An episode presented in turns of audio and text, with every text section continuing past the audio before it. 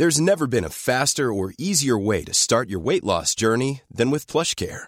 PlushCare accepts most insurance plans and gives you online access to board-certified physicians who can prescribe FDA-approved weight loss medications like Wigovi and Zepbound for those who qualify. Take charge of your health and speak with a board-certified physician about a weight loss plan that's right for you. Get started today at plushcare.com slash weight loss. That's plushcare.com slash weight loss. plushcare.com slash weight loss. Many of us have those stubborn pounds that seem impossible to lose, no matter how good we eat or how hard we work out. My solution is PlushCare. PlushCare is a leading telehealth provider with doctors who are there for you day and night to partner with you in your weight loss journey. They can prescribe FDA-approved weight loss medications like Wagovi and Zepbound for those who qualify. Plus, they accept most insurance plans. To get started, visit plushcare.com slash weight loss. That's plushcare.com slash weight loss. Hiring for your small business? If you're not looking for professionals on LinkedIn, you're looking in the wrong place. That's like looking for your car keys in a fish tank. LinkedIn helps you hire professionals you can't find anywhere else, even those who aren't actively searching for a new job but might be open to the perfect role. In a given month, over 70% of LinkedIn users don't even visit other leading job sites. So start looking in the right place. With LinkedIn, you can hire professionals like a professional. Post your free job on linkedin.com slash achieve today.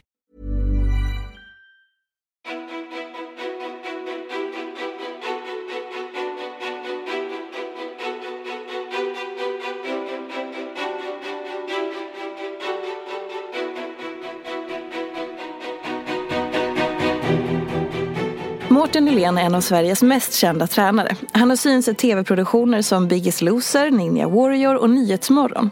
Han har 55 000 följare på Instagram och har tränat många stora superkändisar. Mårten är på slutspurten på sin föreläsningsturné som har nått 19 städer och han släppte nyligen debutboken Resultat, balans och lite magi. Mårten jobbar tätt med kronprinsessparets organisation för ungdomars hälsa, Generation Pepp. Och han postar dagligen uppmuntrande ord om att starta dagen med ett leende. Men är han verkligen alltid glad? Vad får honom att tappa energi? Vem är egentligen Mårten Nylén? Varmt välkommen till podcasten Ofiltrerat med mig, Sofia Peterfia Ståhl. Tack så jättemycket. Vilken presentation. ja, men det är det jag kunde hitta när jag sökte upp dig. Så att ja. ja, det var ju bra grejer tycker jag. Ja, det är ju din, eh, det är ditt liv. Ja, typ. Men det som slog mig när jag så här, jag börjar alltid när jag ska göra research och börjar googla det första som kommer upp. Ja. Och sen så börjar jag söka och så letar jag och letar. Och så börjar jag titta på dig och bara, vänta nu, det är någonting som skiljer Mårten från många av mina andra gäster. Ja. Det finns inte så mycket personligt i media om dig. Exakt, det, det, det var gör liksom det faktiskt för, inte. Nej, eller hur? Nej. Det är bara så här, ditt ämne träning. Det är Ja. träningstipsen och det är träning, motivation, så här gör man, så här gör man. Träning, träning, träning och så lite allmän liksom, hälsa, mat, balans. Och sen bara, men herregud, du då? Exakt, och det är därför jag är här, eller? Ja, eller hur? Så det var det första jag tänkte så här. Okej, men är det en strategi att du inte är personlig i media? Eller var, varför hittar jag ingenting om så här relationer eller livet eller dig som person? Jag, jag har väl varit ganska så, så inne i det som att när jag väl pratat om någonting offentligt så, här, så har det oftast handlat om jobb. Och det har väl varit mer och mer så. Sen kanske det som, ja det ska vi väl snacka om lite senare kanske, min bakgrund har varit lite splittrad. Så någonstans där så, så har jag jobbat med lite olika saker som kanske ibland har gjort att, eh, att man inte pratar så mycket om sig själv. Och det kanske har fortsatt så då. Som på vilket sätt splittrad? Eh, Jag, jag jobbade med säkerhet ganska länge när jag var ja, yngre, yngre och yngre. Jag är inte så gammal än men, men just då, då blev det väl mycket det, det som att fokus hamnade ju så väldigt mycket på jobbet och någonstans där så, så handlar det inte så mycket om personen, det vill säga mig själv. Och eh, jag tror att det har levt kvar lite grann. Men, men jag har ju ingenting som jag är speciellt hemlig med, det som idag eller så här, utan det är väl snarare så här att eh, när jag är någonstans så pratar man oftast om, om det yrkesmässiga. Mm. Men, och när du säger att du jobbade med säkerhet, vad innebär det? Säg att eh, ja, jag hade hand om eh, väldigt mycket artister eh, en lång period. Jag hade hand om ja, olika människor, det vill säga och se till att de, att de inte hamnade i problem helt enkelt. Livvakt? Ja, man kan säkerhetskonsult eller kanske säkerhetsansvarig. Ja, man, det finns många titlar på det. Och vad, hur såg liksom en arbetsvecka ut när du gjorde det? Det, det var väldigt olika men, men jag, har rest, eh, jag har rest världen runt med, med just det här jobbet och levde ju lite som ett dubbelliv där ett tag för att någonstans där så jobbade jag med hälsa och träning också. Mm. Eh, men samtidigt så, så valde jag senare, på senare år då, det som att det var hälsa och träning och människor jag ville jobba med. Och eh, på den vägen var det väl egentligen. Men, och vad, men om vi går tillbaka till så här, hur en arbetsvecka, eller får man inte prata om det? Jo, det är klart man får det. Så, om du inte går in på någon detalj ja, eller person, ja, ja, nej, utan det... bara så här, generellt? Ja, nej men det kunde vara så. Man, man, följer med sitt objekt eller personen man jobbar med det som och, och ser till det som att allting funkar. Och det är ju väldigt mycket planering, det är planering kring allt egentligen. Och många gånger så har man ju väldigt mycket folk som är involverade i just eh, arbetet kring det här objektet. Då. För objektet är då en superkänd person? Kan, kan vara, men det kan ibland också vara människor som kanske inte är så kända. Och det, det beror ju på det, men det behöver ju finnas någon form av hotbild eller någon form av eh, eh, anledning till att eh, man sätter in just säkerhet kring. Mm. Och vad kan en sån anledning vara? Det kan ju, det kan ju vara hot. Nej, men säg, tar vi en artist till exempel så kan det ju vara det som allt från galna fans till avundsjuka människor till ja, folk som, som kanske inte har så bra intentioner. Stalkers? ja, det kan det också vara. Liksom. Och, och sen är det ju också det här att man Det finns ju hotbilder från olika håll så att vissa kanske till och med hotbilden kommer inifrån. Så att det är just det här att säkra upp och se till att allting flyter, ja, flyter på bra helt mm. enkelt. Hur var det livet då? Alltså, för mig, jag, jag, tycker det är otroligt intressant med, oavsett vad jag jobbat med, det här med detaljerna. Och just det här som att se till att man, eh, att man tittar på helheten. Det är som när man jobbar som personlig tränare också. Att det handlar inte bara om hur man tränar eller hur man äter utan det finns ju flera faktorer. Mm. Och just det här planeringsarbetet till utförande till att få det här resultatet. Det är, jag, jag tycker att det är, det är oerhört spännande just inom, inom den yrkeskategorin. Och för mig så tror jag att eh, jag har alltid varit väldigt intresserad av, av några få saker och, och, och just det här med säkerhet var en av de grejerna. Hur kom du in på det? Hur, kom, hur blir man intresserad av säkerhet? Jag, jag, tror att det var när jag var yngre och jag har ju någonstans där hållit på med, med träning väldigt mycket sen jag var liten. Som min far var elitlöpare, morfar var elitbrottare. Kom in på det här med kampsporter, kampkonster väldigt tidigt. Eh, jag tror i den här svängen liksom, som tonåring, jag kom in i min storm som jag kallar det för eh, mötte ett citat som praktiskt taget räddade mitt liv. Ett citat som George Bernard Shaw myntade. Han sa att livet handlar inte om att hitta sig själv utan livet handlar om att skapa sig själv. Och det här ordet skapa, det slog ner som en blixt i mitt liv och jag började skapa. Och eh, då började jag också fråga mig själv vad jag ville göra och vad mitt intresse var. Och eh, där, jag vet inte, jag föll väl in på det där. Jag tror att jag läste om det var något Eh, om det var någon tidning eller någonting där, där de skrev om just eh, någon person som jobbade med säkerhet. Jag tyckte det lät väldigt spännande. Mm. Så, att det, så där startade det egentligen. Det är ju någonting som känns som att man inte, som vanlig människa eller man säger en, en vanlig så har man inte så mycket relation till det. För att det är ofta någonting man aldrig kommer i kontakt med i sitt liv.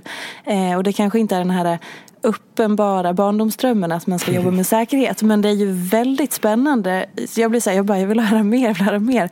Mm. För att jag har absolut ingen relation till det där. Nej, jag, jag tror lite grann också kanske som att eh, återigen, jag hade en väldigt, väldigt jobbig period när jag runt 15, 16, 17 och, och där tror jag också att det blev mycket att man kollade på det som eh, vad man kunde göra som var, som var tillräckligt galet för att mm. någonstans eh, få en själv att reagera. Jag kommer ihåg det här som att jag, jag ville någonstans, jag funderade, hade någon fundering på att åka och bli främlingslegionär. Jag hade någon eh, tanke om att jag skulle åka och, och utbilda mig i, ja, ja, på massa grejer. Men, men just det här, jag, jag, tror för mig att det startar egentligen med eh, en tanke. Jag kallar det för tänk om. Mm. Och eh, just det här, tänk om jag kunde bli, tänk om jag kunde skapa, tänk om jag kunde förändra. Och sen för mig var det så här, det här citatet som egentligen gett mig modet att våga försöka. Så det är liksom oavsett vad jag haft för tänk om eller vad jag haft för jag skulle vilja testa på så eh, försöker jag alltid början till att lyckas. Och, och, när jag bestämde mig att jag skulle skapa mig själv och sluta vänta på det här att saker och ting skulle trilla ner i knät på mig. Det var då sakerna började hända. Vad var det, hur såg ditt liv då ut när du var där i tonåring, när du hade din storm? Alltså det, det, var, det var väldigt eh, stökigt. Jag tittar tillbaks och, och ska jag vara ärlig så kommer jag inte ihåg jättemycket grejer. Men jag har ju träffat vänner från förr som var med och, och jag, jag, var väldigt bråkig helt enkelt. Så att jag hängde väldigt mycket på stan med mina kompisar och gjorde massa dumma grejer. Och jag tror att eh, jag, jag kände mig väldigt, väldigt otrygg. Eh, försökte liksom hitta mig själv under stock och sten. Och eh, enda stället jag kände mig lite trygg på det var när jag hängde på stan med polarna. Mm. Men, men samtidigt så, så hittade jag ju aldrig mig själv där. Så att det, och just när jag mötte det här citatet så jag kommer ihåg det för att, för att jag började fundera så, så väldigt mycket och jag har alltid varit väldigt djup och gillat citat och så här. Och just det här med de här orden, eller just det här ordet skapa, det var det jag funderade så mycket över. Mm. Och eh, jag bestämde mig bara att någonstans där, jag menar antingen så försöker man och så, så funkar det eller så försöker man och så funkar det inte. Men om jag inte försöker så kommer jag aldrig få reda på om det skulle funka. Men var det då något som att du kom till liksom ett vägskäl i ditt liv? Att du var tvungen att antingen då kanske gå nu vet inte jag om det var en kriminell bana, eller alltså om det var på den nivån eller att det var att du, så här, du kom till någonting och sa nu måste jag förändra på riktigt? Var... Ja, jag, jag, kände att jag, jag, var tvungen att förändra någonting för att det skulle liksom inte sluta bra. Det var destruktivt? Ja, det var väldigt destruktivt och, och jag kände som att för varje dag som gick, för varje vecka som gick, det var inte som att det blev bättre. Nej. Utan någonstans där så levde jag i landet samma samma som jag kallar det för i min föreläsningsturné mm. nu. Men just det att jag, skulle jag fortsätta göra saker på samma sätt som jag alltid gjort dem så skulle jag såklart få resultatet jag alltid fått. Så jag var tvungen att göra någon typ av förändring. Men att du kom till den här insikten när du var tonåring redan? Jag, jag tror att det, det, var väldigt illa. Det var ja. det. Liksom, så att någonstans där, det, jag hade inte så mycket val. Mm. Antingen så var det som att, att, lägga allt krut på att fortsätta på samma bana som jag var eller så var det som att byta spår. Och vad hade den banan tagit dig? Den hade ju inte tagit mig till något bra ställe alls. För att eh, jag är säker på det som att jag skulle inte suttit här i så fall. Mm. Så, att så, så, eh, så, så mörkt var det just då. Och just det här, jag kan tänka mig då om man hamnar liksom i ett sammanhang mycket grupptryck eller så? För du sa att du hängde med dina ja, vänner. Och liksom, hur, var, hur, fast, hur påverkas man av det? Ja, den grejen. Jag har alltid varit väldigt egen. Jag har alltid gått min egen väg och jag vet inte var det kommer ifrån egentligen. Men, men jag har alltid liksom gått efter det jag trott på och det jag, det jag tyckt och så här. Så att just det här med grupptrycket var aldrig riktigt min grej som påverkade mig så mycket. Utan jag tror mycket att det kunde vara mer det här som att jag jag någonstans eh, kände mig inte hemma någonstans. Och det är klart, jag är ju adopterad. Mm. Så att nu idag när jag tittar tillbaka och funderat mycket och så, här, så kan jag tänka mig att det är klart att delvis så kanske det kommer därifrån.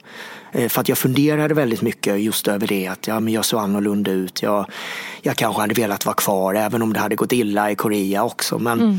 men, men samtidigt så handlar det om det här att eh, skapa. Kan man någonstans påverka? Kan man någonstans bygga? Kan man någonstans förändra? Mm. Ja, fasiken, då är det väl bara att börja. Så att det för mig så var det nog den grejen som, som blev det, den stora vändningen. Just att det, det, det går. Och, och, idag, det är det här jag föreläser om, för jag vet att alla kan förändra, alla kan skapa. Man kanske inte kan lyckas med allt. Jag brukar säga att man, att man inte kan lyckas med allt tillhör verkligheten. Mm. Men att aldrig ge upp, det tillhör oss. Och det här med att försöka, det här med att, att skapa, det, det kan alla göra. Men man måste också börja med sig själv liksom, och titta på vad gör mig glad, vad får mig att må bra. Och jag tror också det att det är, det är när det stormar som mest som vi kan utvecklas som bäst. Så någonstans där i den här stormen som jag kallar det för. Det, det är där man någonstans, när man möter sig själv när man vill det som minst. Men det gäller ju att ta det där steget. Att mm. fråga sig själv, vad vill just jag? Vad får mig att må bra? Och sen så liksom tar det där första steget för att sen fortsätta. Det är skitläskigt. Ja det är ju det. Och det är, jag tror att det är också så här, ibland så behöver man den där lilla extra knuffen. Jag hade ju ingen som ingen människa som, som gav mig den här knuffen utan det var det här citatet. Mm. Men, men, man behöver ju någonting som, som kanske får en att, att känna lite tro att, att man någonstans vågar ta det där steget. Och vad var ditt, som när du, hade, du fick den här, eh, som du fick det här citatet och påverkades enormt starkt av det. Vad mm. var de första stegen då utifrån det här destruktiva? Ja, jag, jag, tror att jag började fundera på just det här med utbildningar och jag bestämde mig ganska fort att jag skulle utbilda mig till hälsopedagog och psykolog. Så jag eh, började kolla utbildningar och sökte in på högskolan i Kristianstad där jag kom in på både det som hälsopedagogik och psykologi. Och eh, jag tror att för mig handlar det mest om att göra någonting. Att, att inte bara vänta för det är det jag hade gjort i, i, nästan tre år. Suttit och väntat på att någonting skulle hända. Mm. Men det blev ju samma, samma för man var inne i samma mönster. Men du hade ändå lyckats då liksom behålla höga betyg i skolan? Nej. Trots att... Jag, jag, jag, hade, jag hade ju ganska, jag hade väldigt bra betyg innan den här stormen men de rasade ju. Mm. Så någonstans där sen så, så blev det, det som att eh, jag skötte inte skolan som jag borde gjort. Eh, men eh, jag tror för mig, den personliga utvecklingen, den, den gick ju liksom bra. Någonstans där för att jag, jag lärde mig väldigt mycket om mig själv. Och jag tror du var inne på det i presentationen här som om Mårten Len alltid är glad. Nej, absolut inte. Jag har mina svackor, jag har mina dåliga stunder. Jag har det som alla människor har och jag tror att vi behöver dem också för att kunna uppskatta de bra stunderna lite bra. Eller lite bättre ibland. Men, men jag tror att jag har blivit väldigt bra på att hantera eh, motvind, motgångar, rädslor. Just de här sakerna som, som, eh, som alla kommer möta. Mm. Och det här med det som fokus. Jag, jag, kallar det, det är en av mina framgångsnycklar, just fokus i min föreläsning och boken. För att just det, jag brukar säga att många människor sätter fokuset snett istället för rätt. Och, och att sätta fokuset snett innebär kanske att vi sätter det på begränsningarna istället för möjligheterna. Att vi sätter det på, på sakerna som kanske inte är så bra fast vi kanske har väldigt mycket saker omkring oss som är bra. Och det, det är klart att vi ska liksom inte ignorera alla saker som inte är bra men, men det handlar väldigt mycket om att försöka fylla våra livsböcker med, med någorlunda bra saker eller sakerna vi vill ha där.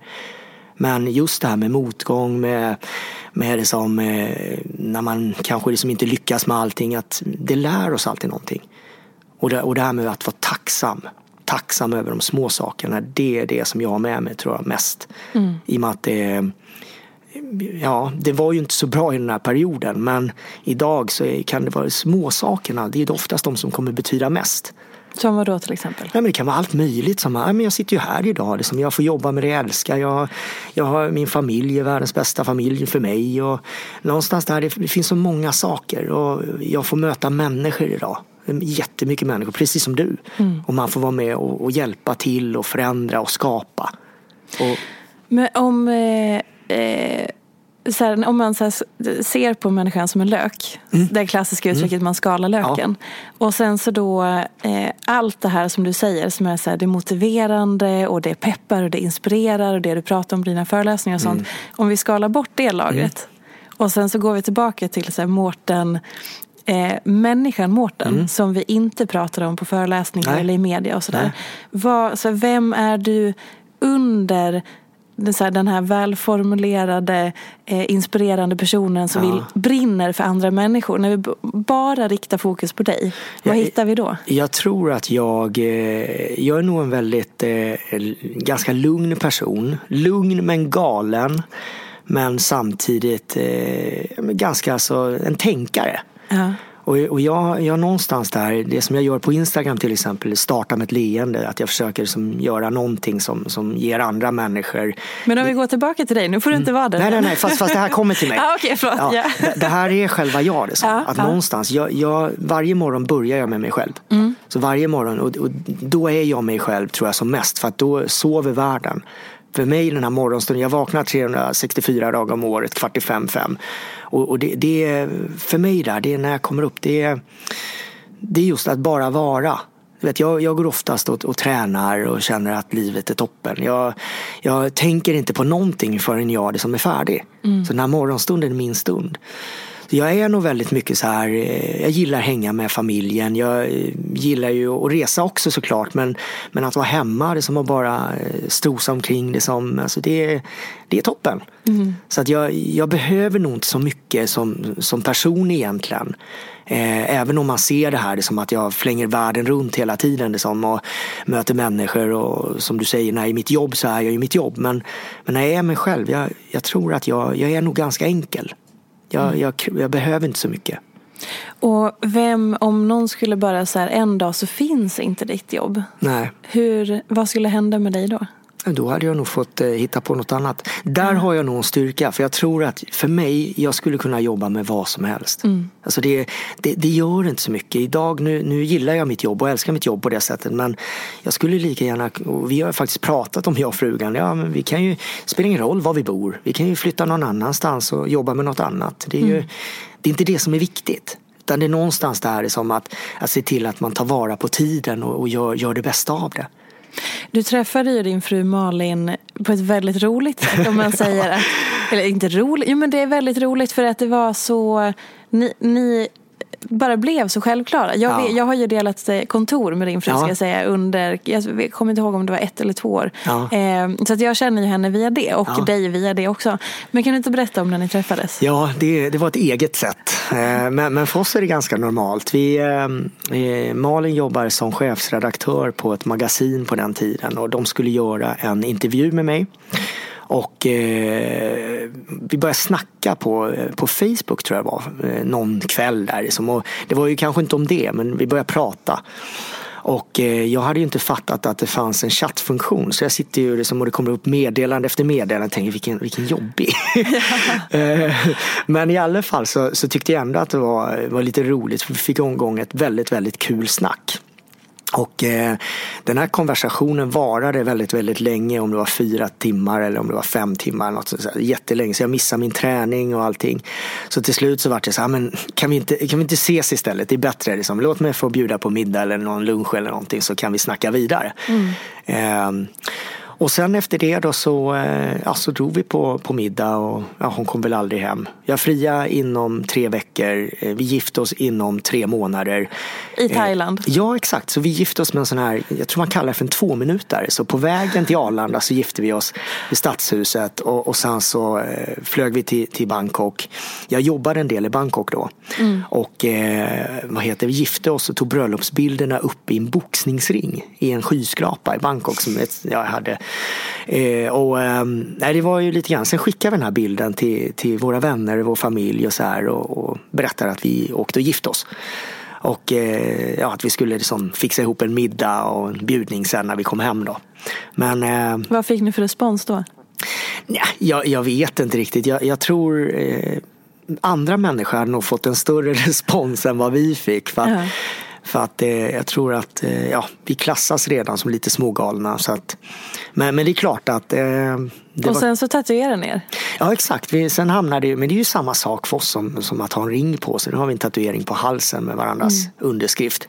Mm. Så att, eh, men, men det är ju lite grann att leva. Ja. Just det här liksom att varför behöver saker vara på ett visst sätt? När det är så är det ju. Mm. Så för oss var det ju väldigt så här, ja nej, men det är så det är. Så. Och vad var det som hände liksom i, i ert möte som gjorde att liksom allting bara så här typ exploderade? Eller vad hände just när ni träffades där? Jag tror egentligen att det var bara att eh, bitarna föll på plats. Det, det kändes rätt. Mm. Och det, det är ju det liksom att man, man, jag har alltid trott det, liksom, eller tyckt så att man inte eh, Folk som går och fegar de vinner aldrig. Utan så här, livet är för kort för att man inte ska leva fullt ut. Och när det känns rätt, då känns det ju rätt. Mm. Alltså, man kan inte tänka på eh, vad som skulle kunna hända om 10 år eller vad som skulle kunna hända om 20 år. Nu sitter jag ju och pratar idag, men det är för att jag är här idag. Och, och det känns väldigt rätt. Så, att, så någonstans där föll bara, ja, bitarna föll på plats. Och det kändes, kändes rätt. Men är inte det det läskigaste som finns i vårt samhälle? Att våga leva och Alltså på det sättet att man bara ah, nu gör jag det här som känns så otroligt rätt. För att då finns det normer, föreställningar, mm. rätt och fel. Så här ska man inte göra. Det här är inte som alla andra gör. Va? Mm. Har du tänkt igenom det här beslutet? Du mm. måste planera det här. Du vet, det är det vi får lära oss. Mm. Men hela tiden upplever jag i vårt samhälle så dämpas man ju. Så, in, du ska in i den här boxen, du ska göra som alla andra. Men nu vet jag vad jag har det, du ska vara i det här facket. Mm. Det svåraste som finns är ju att vara stark i sig själv. Ja, och jag, jag tycker man ska ta bort just det här med, med vad andra tycker och tänker. Och det är ju det jag föreläser om idag. Det att Men hur behöver, gör man då? Jag tror, jag tror att man ska göra det enkelt. Vi, mm. vi komplicerar, vi människor är så otroligt duktiga på, på många saker. Men en grej är vi lite för bra på allt för ofta och det är att, att göra saker svårare än vad de egentligen är. Att någonstans ta ett litet steg istället för att kanske ta det här jättesteget. Det funkar också. För att alla steg framåt är steg framåt oavsett storlek. Så att någonstans där med att, att börja göra en liten förändring. Det behöver inte vara att man slutar sitt jobb och att man ska liksom, eh, sälja hus och hem och allting för att man ska förändra något. Utan jag tror på att, att ta ett steg i taget. Och ibland så är det så här, ta ett litet steg om man känner att det är svårt att ta ett stort steg. Men att göra någonting. Och det är väl det jag fick av, av det här citatet. Att någonstans, vi behöver ju liksom skapa, vi behöver förändra någonting om vi vill att någonting ska bli annorlunda. Mm. Och, men det är svårt. Jag, jag, jag tror också som att, jag menar vi som jobbar med människor, vi, vi möter det här varje dag. Och det är just det här, men att våga leva, det, det, det är alltid värt det. Man kanske inte lyckas alltid men det finns alltid fler sätt att ta sig från A till B. Det finns alltid fler sätt att försöka på. Så att, Man måste bara orka. Ja, och göra det enkelt. Jag tror, ja. jag tror det är det. För att många vill så mycket och så vill man göra allting samtidigt. Och man vill lyckas på en gång. Men mm. saker tar tid också. Och det är just det här som att jag, jag har ju tränat Petter, eh, artisten Petter i ja, nästan 17 år nu till och från. Och, och, han, har ju, han har ju skrivit en låt som heter Kul på vägen. Alltså det, det är ett mästerverk enligt mig. För att det, den handlar om precis det vi borde liksom sätta fokus på lite bättre. Man säger ju också att ett gott skratt förlänger livet. Jag skulle kanske hellre säga att ett gott skratt förgyller livet. Just att inte bara titta på målet utan också liksom ha kul på vägen, förgyll på resan. Mm. Det är liksom, just det här med, med, med livet så är det ju så. Vi vet ju inte hur mycket tid vi får. Så att eh, någonstans behöver vi liksom kanske värdera den, prioritera den, värdera oss själva, prioritera oss själva lite bättre ibland. Du sa ju eh, tidigare att du ganska tidigt kände att du såg annorlunda ut och i och med mm. att du är adopterad och kom till en mindre stad. Mm. Hur, hur tidigt upptäckte du det? Eller att du började liksom påverkas av att du inte såg ut som alla andra där du bodde? Det, det var ganska tidigt. Vi var inte så många där. Jag kommer ihåg att vi var typ fyra stycken eh, personer där eh, nere i Mörrum i Karlshamn. Mm. Eh, och eh, Eh, det värsta jag visste, eller det värsta jag mötte när jag var yngre, när man var lite barn och så här, det var när äldre människor kom och sa, eh, som påpekade som att oh vilken platt näsa du har, eller ja, så här käppkineser, nej men du vet så här, massa sådana fula grejer. Och, och, för mig så tror jag det som att det tog mer än när det var yngre, när det var barn. Mm. Så att man funderade ju väldigt mycket över sig själv och jag tror att det är i dagens samhälle när, när vi får så mycket intryck varje dag. Förr så fanns ju inte det här med sociala medier. Förr så var det ju inte lika snabbt. Idag så tror jag att ja, det spelar ingen roll vem du är. Man kommer alltid att börja fundera över sig själv. Om man är tillräcklig, man jämför sig. Mm. Och för mig där så var det ju väldigt mycket, jag kommer ihåg det att det, var, det blev en stor grej. Mm. Och, och det blev en stor grej för man kände att man var tvungen att bevisa att, att man hade rätt att vara där. Mm. Istället för det som att lägga tiden på att det var, det är klart, alla har rätt att vara där. Mm. Eh, men någonstans där på, på vägen så, så har det ändå byggt mig. Och i, idag så är jag så här, jag, jag, är ganska involverad i det här. Det som just med att människors rättigheter och att man någonstans försöker bygga styrka hos människor med hälsa såklart. Mm. Men eh, för mig så, så, känner jag att idag, jag, jag har blivit ganska stark i det där. Eh, men jag tittar ju tillbaks på det och tror att det var en stor del av min uppväxt varför jag ifrågasatte mig själv ganska mycket. Planning for your next trip? Elevate your travel style with Quince. Quince has all the jet setting essentials you'll want for your next getaway. Like European linen, premium luggage options, buttery soft Italian leather bags and so much more. and is all priced at 50 to 80% less than similar brands. Plus, Quince only works with factories that use safe and ethical manufacturing practices. Pack your bags with high-quality essentials you'll be wearing for vacations to come with Quince. Go to quince.com/pack for free shipping and 365-day returns. Hey, it's Ryan Reynolds and I'm here with Keith, co-star of my upcoming film If, only in theaters May 17th. Do you want to tell people the big news?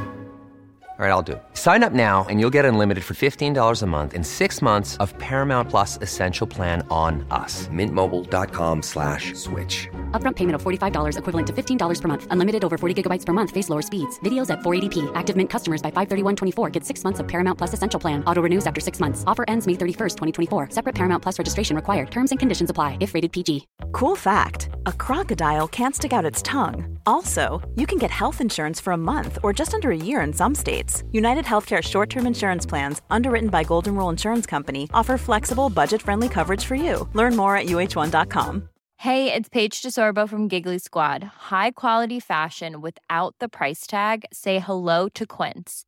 I'm snagging high-end essentials like cozy cashmere sweaters, sleek leather jackets, fine jewelry, and so much more. With Quince being 50 to 80% less than similar brands. And they partner with factories that prioritize safe, ethical, and responsible manufacturing. I love that. Luxury quality within reach. Go to quince.com slash style to get free shipping and 365 day returns on your next order. Quince.com slash style. Mm. Din bror eh, blev också, för din, du har en helbror från, som också ja, exakt. adopterades. Vi är inte biologiskt, Nej. Filip, exakt. Är, men han är ju min bror. Mm. ju, och, och, vi växte upp ihop och han var ju också adopterad från Korea, mm. eller är. Och, eh, men som sagt, han är ju som en bror för mig. Vi, vi är väldigt olika i personligheter. Men, eh, men samtidigt så, så tror jag det som att, ja, jag tror det färgar oss alla. Men Kunde klart... ni hitta stöd i varandra då? För att ni liksom ändå hade varandra i samma familj och var brorsor. Och liksom, kunde ni hitta och stötta varandra? Eller hur var det? Ja, jag har nog varit ganska egen ändå. Liksom, men men det, jag skulle vilja säga att det, det, tror jag man kan göra. Eh, men jag har alltid varit så här eh, jäkligt envis, gått min egen väg. Och jag tror att det är en personlighetsgrej jag har. Lite ensamvarg? Ja, exakt. Mm. Så, att, så att det var ju liksom, när, jag, när jag var barn eller var yngre, liksom, jag, jag var ju alltid att träna. Så jag så här, lirade hockey tio år, fotboll tio år, tennis, orientera, sprang, kom in på kampsporten. Kunde cykla från Mörrum till Karlshamn, det var en mil. Eh, för att träna kanske lite taekwondo på en timme. Sen cyklade jag vidare så körde jag jet kundo i en och en halv timme. Sen cyklade jag hem på kvällen. Vad var det som drev dig i det då? Jag, jag, tyckte att det var, var roligt och någonstans var det som det här att hela tiden ha en utmaning. Mm. Eh, mina kompisar de, de hängde ju istället eh, med, medan jag flängde och, och ja, gjorde det jag kände att jag ville göra. Men jag tror delvis också att det var det här som att eh, idag när jag tittar tillbaka att det var också det här att man ville bevisa någonting. Men i, idag, jag har inte så mycket att bevisa. Eh, så att någonstans där så handlar det mer om att, att försöka liksom skapa ett bra liv och, och någonstans förgylla eh, varje dag vi har. Mm. Återigen, man vet inte hur mycket tid man får. Du var inne lite grann på det här med att du är adopterad. Mm. Eh, jag har en kompis som är adopterad från Etiopien. Mm. Och vi har pratat mycket just om så här bilden av adoption i samhället mm. är ju ganska förenklad. Mm. Framförallt om man aldrig om man inte har någon relation till det. Min Nej. pappa är också adopterad. Ja. Eh, fast alltså av en, en, svensk pappa om man mm. säger så. Eh, så, att, och så här, har man ingen relation till adoption så kan Nej. man ju ha en bild av att det är så himla, ja men jag ska bara rädda ett barn. Ja. Och jag ska, du vet, hela den bilden. Ja. Eh, och den bilden hade jag också innan jag lärde känna, känna min kompis som gav sitt perspektiv på det. Och, så. och sen har jag förstått att många som är adopterade har ju en, en annan bild av kanske det här lätta, glamorösa, jag ska komma och rädda någon och mm. sådär. Vad har du för liksom, relation till adoption överlag? Ja, jag, jag, tycker det är fantastiskt för det första för att man någonstans kan, kan hjälpa barn att, att skapa bra liv. Mm. Och det är ju det här det som att det, det finns ju många människor idag som inte kan få barn. Och då är det också ett sätt någonstans där att jag menar eh, två människor som kanske vill ha ett barn och, och älska. Jag menar, det finns möjligheten idag. Mm. Jag tycker det är fantastiskt. Och samma sak på, på min tid. Då var ju det, det var ju väldigt mycket koreaner som, som adopteras till Sverige. Och eh, jag tror att det var, det var ju för att ja, barnen där, vi, man hamnar ju på barnhem. Och eh, jag tror att väldigt många där hade det ju inte speciellt bra för att man saknade ju just det här med kärlek. Mm. Och, och det här med att komma in i ett hem med kärlek. Jag tror att alla människor behöver kärlek. Och, och för mig, det, vart ju, det är ju en räddning någonstans där. För det hade ju säkert inte hållit. Jag hade kanske överlevt, vem vet? Jag hade mm. kanske skapat ett annat liv. Eh, men som sagt, det hade ju sett annorlunda ut. Så idag, jag, jag kan tycka det här med adoption, det är ju det är någonting fantastiskt att, att människor faktiskt väljer att, eh, att adoptera. För att någonstans, det handlar inte om att rädda barn utan det finns så många orsaker, precis som du säger, mm. eh, som kan ligga bakom en adoption. Och jag tror någonstans där att, att rädda barn, det blir fel. Det är snarare där det är som att skapa en familj med kärlek. Mm. Men så då är inget, eh, vad som, för min kompis hon har, eh, vad ska man säga, en mer, inte en negativ bild låter fel, men alltså mm. hon har vissa argument för varför hon inte tycker att adoption är bra. Ja. Eller så. Har du några sådana tankar? Så här, jo, det är bra fast det här och det här kanske... Jag, tycker, jag tycker ju såklart det är bra för att jag hade, jag hade troligtvis inte levt mm. om, om inte jag hade blivit adopterad och jag hade definitivt inte varit människan jag hade varit idag. Mm. Så att någonstans där så, jag beundrar människor som någonstans faktiskt gör det valet. Mm. Eh, sen så tror jag att det är också att det, alla adoptivbarn, eh, att man behöver någonstans jobba med, eh, med sig själv på ett sätt. Eh, för att man har med sig massa grejer. Sen beror det också på vilken ålder tror jag man kommer i. Jag var ju tio månader så jag var ganska liten. Mm. Eh, lillbrorsan han var tre år. Det. Eh, det. finns ju de som kommer och kanske är 10-12 år och då har man ju med sig mycket mer. Så jag, jag tror mycket det här är som att det ju äldre man är desto mer support tror jag man kommer behöva. Men sen såklart så är det ju också vilken typ av människa du är och vart man hamnar såklart. Mm. Men det finns ju det som eh, barn överlag. Det spelar ingen roll om du är adopterad eller inte. Det, som, det behöver finnas kärlek och det behöver finnas mm. omtanke eh, för alla barn. Såklart. För att, för att det någonstans ska det som blir bra. Mm. Har du någon kontakt med dina biologiska föräldrar? Finns jag, de Jag har ingen information. Så, Nej, och jag, jag vill faktiskt inte, jag är nog en av dem som inte varit så intresserad. Eh, min mamma och min pappa här, det är ju min mamma och pappa. Mm. Men eh, jag, jag har ju alltid velat åka till Korea och det har inte blivit av bara. Nu har jag sagt att jag ska åka inom ett år så vi får se om det händer. Så nu när, vi, när vi gör den här podden ja. så inom ett år så ska jag åka till Korea. Ja. Eh, för jag har en väldigt god vän till mig som, som sa att Mårten, jag tycker du ska åka till Korea. Du behöver åka till Korea för att när du kommer dit så kommer du förstå eh, många saker varför du är som du är. Men du kommer inte förstå det förrän du kommer dit. Vad häftigt. Mm. Och jag vet inte vad det är. Så att, eh, det är spännande. Kunde din kompis berätta något mer om, eller förklara känslan? Eller bara... Nej, han, han, han har ju varit där väldigt mycket. Mm. Eh, men eh, han sa inte mer än så. så att, han sa du får åka dit och upptäcka själv. Så att det, och jag vet inte vad det är men jag har väl vissa saker då som kanske är genetiska. Jag vet inte. Mm. Känns det läskigt att åka tillbaka? Eller någonting nej, skrämmande? Nej, nej. Eller bara jag, jag ser roligt? fram emot, ja det är bara roligt. Jag, jag gillar ju att resa och uppleva kulturer och framförallt möta människor. För människomöten det är, det är något av det bästa jag vet. För mm. Man kan alltid lära sig saker när man möter nya människor. Men jag tror just det här Korea, att få se kulturen. Det är någonting som jag alltid velat göra. Och jag vet inte varför. Det handlar inte om rädsla varför jag inte varit där. Utan snarare som jag tror prioriteringar och, och tid. Mm. Vad tänker du om, eh, liksom, du pratar väldigt mycket om det här med att motivera sig och mm. liksom att du hittar liksom, styrka att gå din egen väg och att eh, man behöver skapa, det är liksom det du återkommer till ja. hela tiden, att skapa och sådär. Mm. Men om man inte kan det då? Eller kan, tror, så här, förlåt, jag ja. börjar om. Tror du att alla människor kan det? Jag, jag, tror att alla människor kan skapa. Jag tror att alla människor kan förändra. Mm. Men jag tror att för vissa människor är det svårare än för andra. Mm. Och, och, där behöver man jobba mycket med enkelhet. Att, att man inte gör det så svårt. Och det här också med det som att när man sätter upp målsättningar så brukar jag alltid säga att de bör vara två saker. Realistiska och uppnåbara. För då blir det oftast enklare. Men just det att, att man tittar på sig själv och ser att vi alla är olika. Vi har olika förutsättningar, vi är unika, vi vill olika saker, vi mår till och med bra av olika saker. Men just jag tror att alla människor kan skapa och förändra. Men det handlar om att ta det där första steget. Och att göra det där första steget så enkelt att, att det är det som ja, man nästan kan se hur enkelt det är. Då blir det lättare. Mm. Och sen när man tagit första steget, andra steget, tredje steget. Då blir det enklare för då vet man att det funkar. Så att det är det som jag tror att många människor gör det för svårt och försöker liksom förändra för mycket när man ska göra det. Och då blir det ohållbart. För någonstans behöver vi ändå, liksom, tittar man på livsstil till exempel, människor som ska ändra eh, livsstil och man försöker ändra det jättemycket och så blir det ohållbart i längden. Att istället göra att skapa en livsstil som, som funkar för en själv. Att man någonstans eh, hela tiden känner efter, men det, det, är någonting, det här, jag har mitt varför. Det känns bra för att någonstans det blir förbättringar då tror jag det blir enklare att motivera sig. Och där återkommer vi till det här eh, fokuset igen som jag pratade om innan. Att någonstans faktiskt fokusera på framstegen istället för, tar vi tio steg framåt, ett steg bakåt.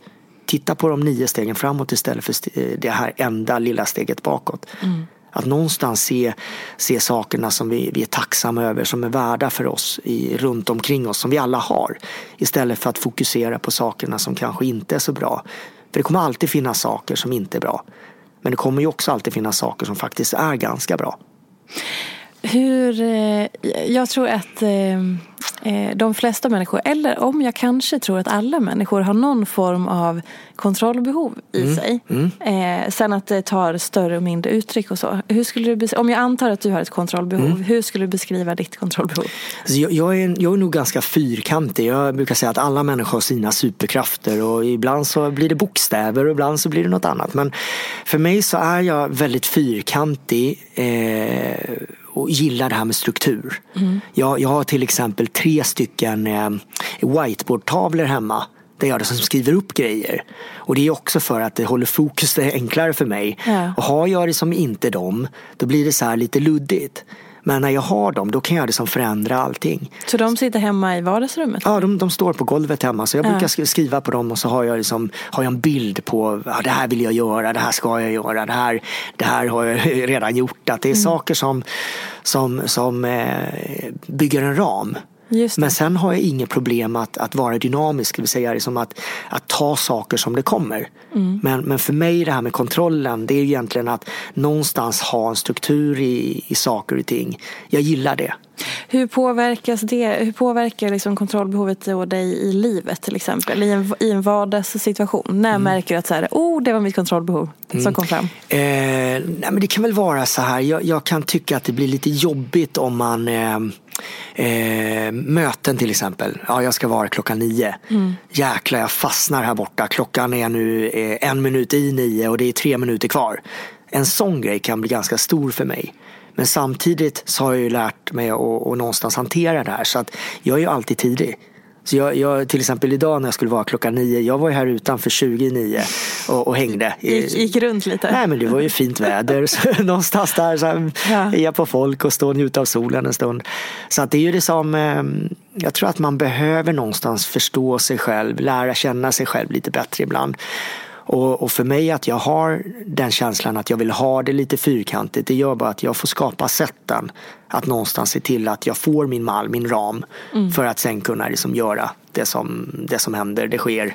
Hur, på, hur när man lever då i en relation med en annan person, mm. eh, jag, nu får du rätta mig om jag har fel, men jag uppfattar dig och Malin som ganska olika ja, vi är som människor. Ja, vi är jätteolika. Och hur, jag lever också med en man som är extrem min motsats. Ja. Eh, och hur är det för er då att mötas i just era olikheter? Jag, jag tror, att, jag tror att det är en, en styrka. Mm. Eh, någonstans där om, om, om man kommer hem som eh, skulle, skulle jag bara vara själv hemma så skulle det nog vara väldigt väldigt städat. Eh, saker, är du pedant? Ja, lite granna. Ja. Jag, jag, jag, gillar att veta vad saker är. Jag gillar att ha dem på ett visst... Jag kan till exempel eh, lägga saker på en linje, på rad för att veta exakt ah, vad de är. Jag är ja. nästan sådär ja. eh, med allting.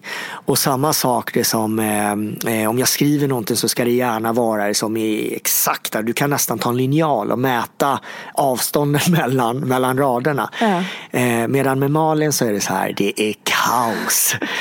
och, och, det är väl snarare så här, jag, jag kan tycka att jag jag uppskattar det där kaoset. För att, för att det, skulle, ja, men det, skulle, det skulle inte funnits där om inte, om inte, om inte Malin hade varit där. Nej. Så någonstans för mig där så är det ju det som gör någonstans att det blir lite annorlunda. Mm. Och, och, och, det, sen så såklart, sen får man mötas med vissa saker så att det kanske, man får kanske ha vissa saker lite strukturerade och andra saker kan vara kaos. Och det är ju, man behöver ju någonstans möta sin relation. Mm. Man behöver ju någonstans att sätta kanske återigen fokuset på vad, vad ger det istället för, för fasken, det här var ju lite jobbigt.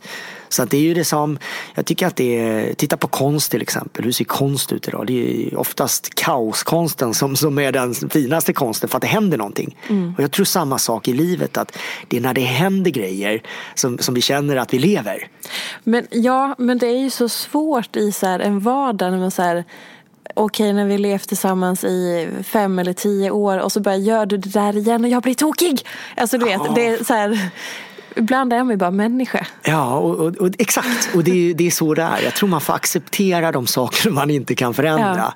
Men samtidigt så är det ju som att, jag menar, behöver man verkligen förändra allt? Det, är- det, det är ju också så här, eh, vissa saker bara är. Och, och det tror jag är också så här, den här acceptansen kan vara bra ibland att ha med sig. Oavsett vad man vill göra eller vad man möter på vägen. Eh, och det är kanske inte där fokuset bör vara. Att någonstans istället titta på det som om vi skulle gå runt, jag tror att om man går runt och stör sig på de här grejerna istället för att kanske uppskatta tiden och kanske göra något skoj av det. Då är det ju, och det är ju det, jag pratar mycket om leenden och jag lever så också. För att det här med att skapa leenden, det, det är ju jättekul. Eh, och, och det kan vara allt möjligt liksom. Jag var och föreläste nu för ett tag sedan och, och jag vet att Malin hon eh, så här bytte ut någon bild i min powerpoint och du vet ibland så åker jag iväg med, med hennes träningskläder i min väska. Du vet, Ja. men det, det är sånt som förgyller. Och, och det är ju återigen, ja men då tar jag väl på mig hennes träningskläder, skickar tillbaka en bild och säger, ja men de var ju schyssta. Det var ju snällt att du i alla fall tvättar dem. Så att det är ju, tror att Och vad är det då, alltså hur behåller man, för där tolkar jag det som att här, ni har ändå eh, någon form av lekfullhet och så här, Ja. glädje och acceptans i, mellan, i er jargong. Och så, hur behåller man det då när man har levt tillsammans länge? För nu är det några år. Ja, hur, det hur många är år exakt. är det? Oh, nu kommer den här Åtta? jobbiga, frågan. Sju. Sju? Ja, Har jag fel nu så, så ja, det är ingen som vet ändå nästan. Men säg vet. sju. Vi bestämmer sju. ja, jag är ganska dålig på sånt där för jag har jättedåligt minne. Men säg sju år. Mm. Men jag tror, jag tror att det handlar om att skapa saker tillsammans. Här kommer ordet skapa in igen. Mm. Och det är ju det här som att någonstans inte skapa liv på skilda platser. Eh, det är klart att många par kanske inte lever och jobbar ihop som vi gör. Men skulle man inte gjort det då hade man ändå behövt det som sätt så för att skapa, skapa bra stunder, skapa eh, leenden, skapa roliga saker. Och jag tror det här med glädje, det är underskattat. Och, och det här med det som att vara jätteglad eller vara lycklig och så här. Jag menar, det är inte det det handlar om, utan det handlar om de här små sakerna igen. Att förgylla. Det här är som, jag menar, gör vi, gör vi något så här, vi gillar ju att skämta med varandra och, och, och det är som, eh, varje gång man gör det, ja men du vet, det blir ju ett leende. Och vad händer, eller så här, när skapar du inte? Alltså, ja, jag kan ju bara vara. Vi, vi har en grej som vi gillar och det är ju att vara hemma bara och kolla på tv-serier. Ja. Alltså det, då händer det inte så mycket. Men, eh, men det är ju det som, eh, samma sak där. Jag tror ibland så behöver man också bara vara. Alltså vara människa och inte... Och det, det är det som är grejen också där. Min morgonstund. Ja, där är ju också så här. Jag bara är. Och oftast det är klart att jag, jag har ju lyxen att ha nycklar till lite olika gym här i Stockholm och lyxen att kunna gå ut och det är liksom, eh, jag menar eh, att bara vara, jag tror att vi underskattar det ibland också. Och det är också så här, lämna telefonen hemma, liksom. dra inte upp datorn innan man liksom har fått sin egen lilla energiboost och, och liksom andas. Var, fasken, det finns så mycket att upptäcka där ute. Så många saker man kan vara tacksam över och mm, liksom få se innan världen vaknar. Det är inte så att alla, om man är morgontrött nu, är det som att man ska gå upp tidigt för att göra det här. För det här händer dygnet om. Så att, eh, men just det här med att, att hitta sina fristäder. När man någonstans kan lämna utsidan utanför. Och liksom bara vara sig själv. Och ibland så är de här eh, stunderna, då kanske man är tillsammans. Så att det, för mig kan det också vara så när vi kanske kollar på en tv-serie, då bara är vi. Och det är det som, det behöver inte vara mer komplicerat än så. Nej. Du har ju en eh, dotter från eh, tidigare relation. Mm, Julie. Eh, precis, hon är typ 12 nu. Ja, fyller någonting. 13 i år. 13. Fan, du är påläst. Ja, ja, ja, ja. Jag har min. Jag har ju lite hjälp också av att jag vet Ja. mycket via att vi känner är varandra klart, via. Malin och så. Ja. Men, men jag tänker så här, när, när var ni gick skilda vä- vägar? Du och, eh, jag minns inte namnet på Eh, Lisa. Lisa. Det, det var länge sedan nu. Jag, mm, det här med datum och grejer som eller tidpunkter. Hur men- gammal var Juni då? Juli var Juli, eh, ja, tre och ett halvt, tre. ungefär. Och sen så flyttade hon till en annan stad? Mm. Så Julie går i skolan och bor eh, i Lund men hon bor ju i Stockholm också såklart. Mm. Eh, och eh, det är ett jättebra val tycker jag. Mm. Någonstans där ett gemensamt beslut såklart som av, av alla. Men just att vi, vi tyckte att det blev bäst så. Mm. För, men har hon, Lisa då, eller liksom hon, har, hon är från Lund eller hur hamnade hon där? Ja, hon valde väl att hon ville bo där. Det ska jag nog, jag nog inte eh, svara för henne. Men, men just eh, hon ville bo där. Och eh, någonstans där bestämde vi tillsammans att eh, eh, det kändes bäst för båda. Mm. Att, att Julie gick i skol, dagis och skola där nere. Mm. Så att, men hon är ju i Stockholm varannan vecka och på loven och så här. Mm. Så att det, det, jag är så glad för att vi ändå har en sån fantastisk relation. Mm. Eh, och att det funkar.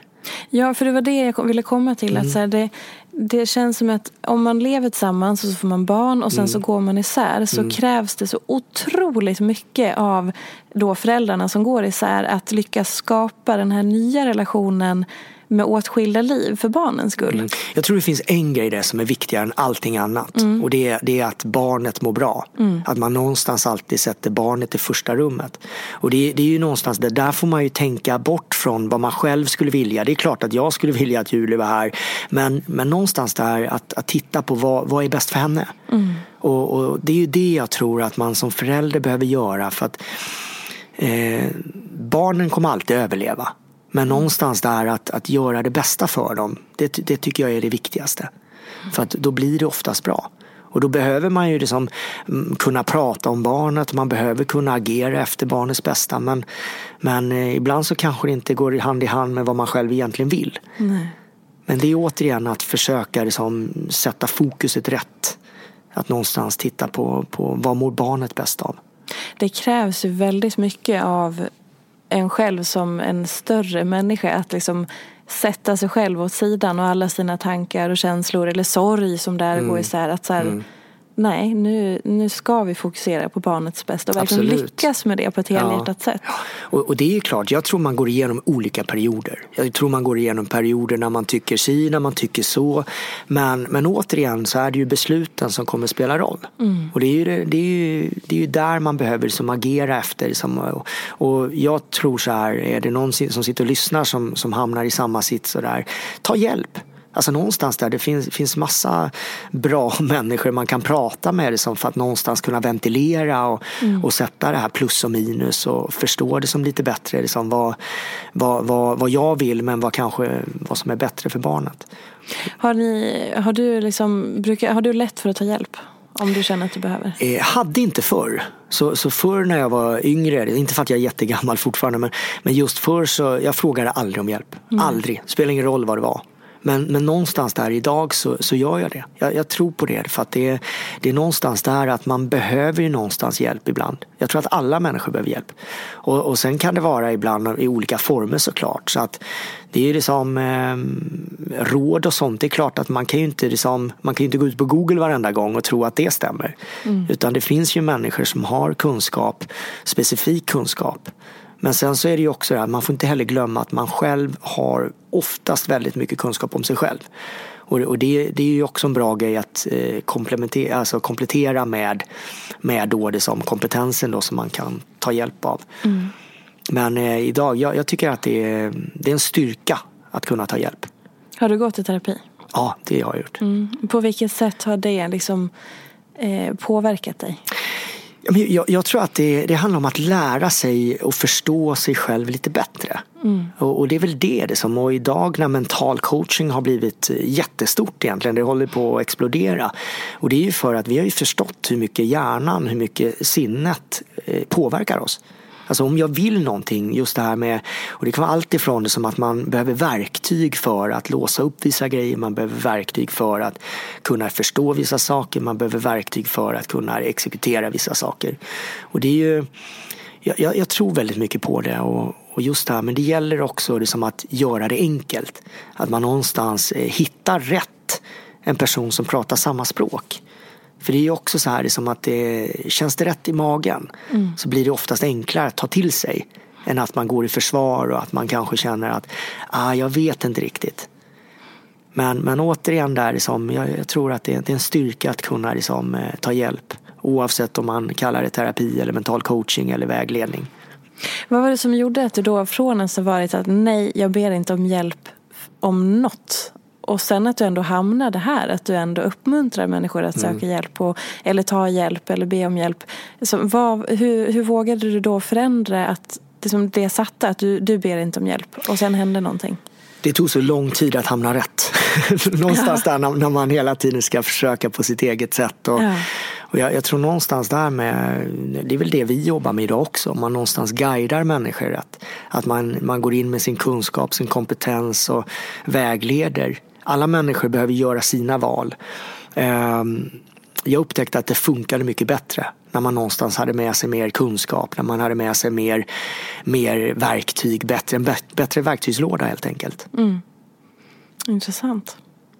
Du, om vi ska börja avrunda det här tyvärr, vad vill du avsluta med att säga till lyssnarna? Alltså jag, jag, för mig startade ju såklart allting tidigare men, men min stora resa startade med det här citatet att livet handlar inte om att hitta sig själv utan livet handlar om att skapa sig själv som George Bernard Shaw myntade en gång i tiden. Mm. Eh, jag skulle vilja avsluta med det som att eh, fasken, tro på er själva, gå ut och skapa. Eh, alla steg framåt är steg framåt oavsett storlek. Gör det inte så svårt. Men däremot se till att livet blir någorlunda bra. Jag är inte perfektion för då kommer ni bli springande utan försök bara sträva efter bra och glad. Bra. Jaga inte perfektion. Nej. Tack. Exakt. den, är, den är fantastisk. Mm. Mm. För jag anser ju det att många människor försöker jaga det här perfekta. Men då blir människor springande efter någonting som de aldrig, och om man får uppleva det får man uppleva det väldigt, väldigt kort. Mm. Eh, för att det sen troligtvis försvinner igen. Det är bättre efter att försök uppskatta de små sakerna. Det här med bra och glad, det är en bra grej. Mm. Någonstans där att starta varje dag med ett leende. Bra, tack. Nu får ni då såklart, finns det platser kvar till dina sista föreläsningar? Sista är faktiskt nu på torsdag och nu kommer Attans. säkert den här sändas lite nästa senare. Tisdag, ja, nästa vecka. Så att det är bara Karlshamn kvar. Men jag kommer att släppa nya städer snart. Kul! Och eh, den här föreläsningen är, är min bästa. Det är inte en säljgrej det här utan det är faktiskt, jag känner att den har, den har blivit väldigt tydlig nu och, och den är komplett. Så när det kommer till skapa hälsa på ett enkelt sätt och, och få de här nycklarna och det så tycker jag att folk ska gå. Bra. Och följ Mårten i sociala medier och köp boken. Du får göra hur mycket reklam du vill. ja, det är klart. Jag visas både på Instagram och på hemsidan. Instagram är snabel Martin Nylén och hemsidan www.martennylén.com. Exakt, bra. Tusen tack för att ni har lyssnat. Vi hörs nästa vecka. Ha det gött, hej! Hej!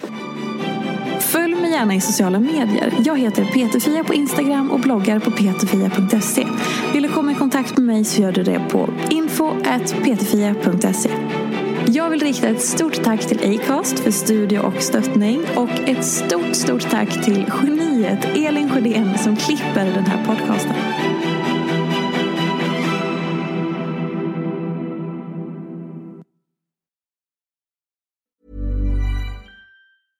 Ever catch yourself eating the same flavorless dinner three days in a row? Dreaming of something better? Well, HelloFresh is your guilt-free dream come true, baby. It's me, Gigi Palmer. Let's wake up those taste buds with hot, juicy pecan-crusted chicken or garlic butter shrimp scampi. Mm. Hello Fresh. Stop dreaming of all the delicious possibilities and dig in at HelloFresh.com. Let's get this dinner party started. Planning for your next trip? Elevate your travel style with Quince. Quince has all the jet setting essentials you'll want for your next getaway, like European linen, premium luggage options, buttery soft Italian leather bags, and so much more. And is all priced at 50 to 80% less than similar brands. Plus, Quince only works with factories that use safe and ethical manufacturing practices. Pack your bags with high-quality essentials you'll be wearing for vacations to come with Quince. Go to quince.com/pack for free shipping and 365-day returns.